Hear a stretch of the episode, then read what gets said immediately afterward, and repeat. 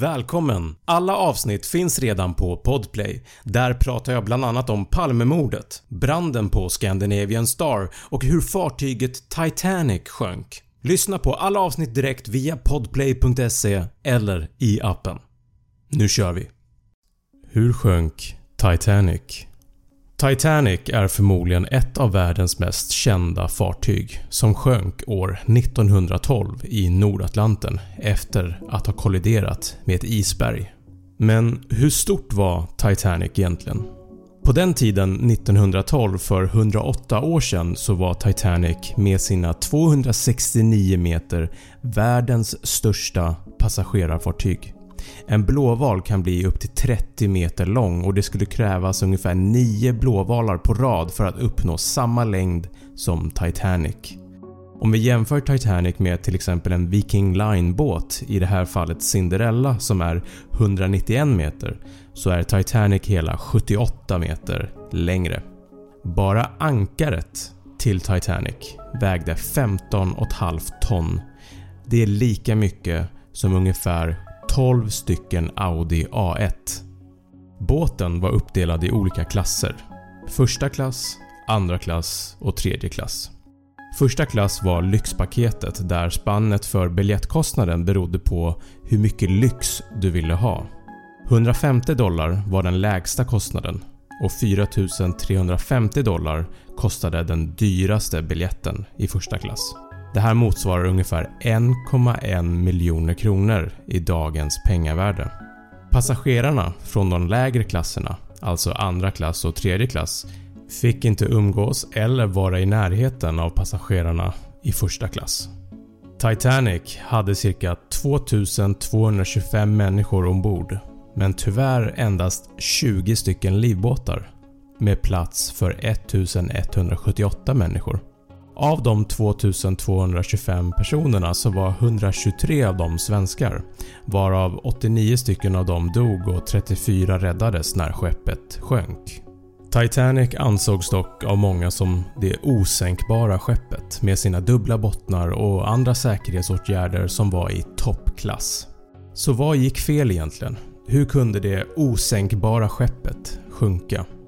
Den 10 april 1912 påbörjade Titanic sin resa från Southampton i England till New York i USA. Hundratals människor var på plats för att se när världens största passagerarfartyg lämnade hamnen. Skeppet var planerat att komma fram till New York på morgonen den 17 april, en resa som skulle ta ungefär en vecka. Efter bara en resdag fick Titanic ett telegram som varnade för isberg. Kaptenen Smith valde att ändra kurs i en lite mer sydlig riktning men ingen av besättningen var speciellt oroad. Dagarna fortsatte och Titanic fortsatte ut över Atlanten. 14 april får Titanic ett varningstelegram, igen, om isberg.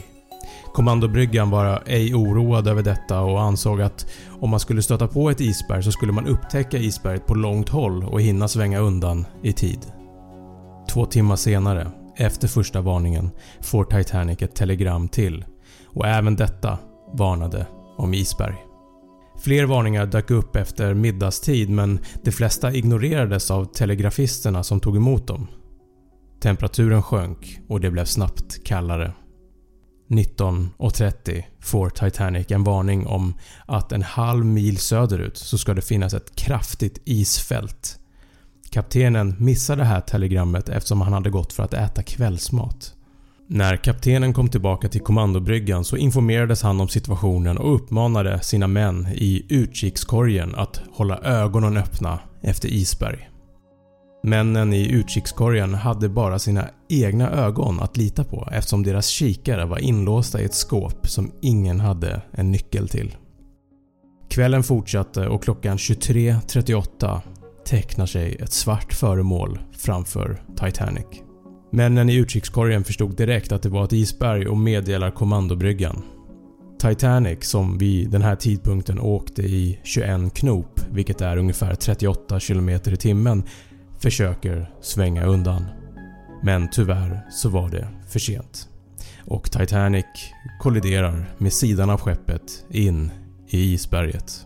Titanic började med att ta in vatten nere i pannrummet, närmare bestämt 300 ton vatten per minut. Och klockan 00.25 får kaptenen klart för sig att skeppet kommer att gå under. Förmodligen inom en till två timmar. Besättningen skickar ut nödsignaler till närliggande skepp om att Titanic har kolliderat med ett isberg och behöver omedelbar hjälp. Det blev kaos ombord. Många passagerare trodde att det hela var en övning och förstod inte att det var 100% allvar. De första passagerarna som upptäckte allvaret var de i tredje klass när deras hytter började fyllas med vatten. För att undvika panik bland passagerarna så försökte besättningen allt de kunde för att hålla dem lugna. Bland annat genom att beordra orkestern att fortsätta spela musik. 00.45 firades den första livbåten ner i vattnet. 00.55 firades den andra livbåten ner i vattnet.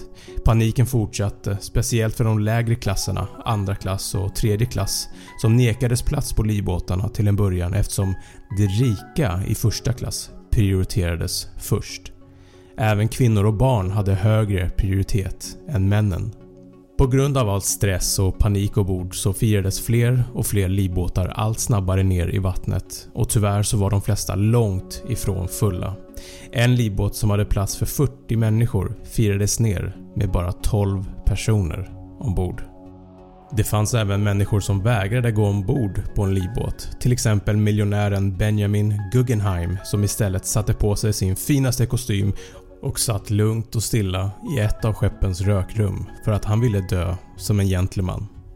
02.05 firades den sista livbåten ner i havet och ombord på skeppet fanns det nu ungefär 1500 människor kvar som inte hade något att göra än att vänta medan skeppet sjönk. Kaptenen var kvar på skeppet och berömde sin besättning för det jobb som de hade gjort och det sista han sa till dem var “Nu är det upp till var man att rädda sig själv. Människorna som var kvar ombord visste inte vad de skulle göra. Vissa ramlade ner i havet medan skeppet sjönk. Några andra hoppade ner av egen vilja i det svarta och iskalla havet. Livbåtarna försökte rädda så många man kunde men tyvärr så hann de flesta frysa ihjäl i vattnet.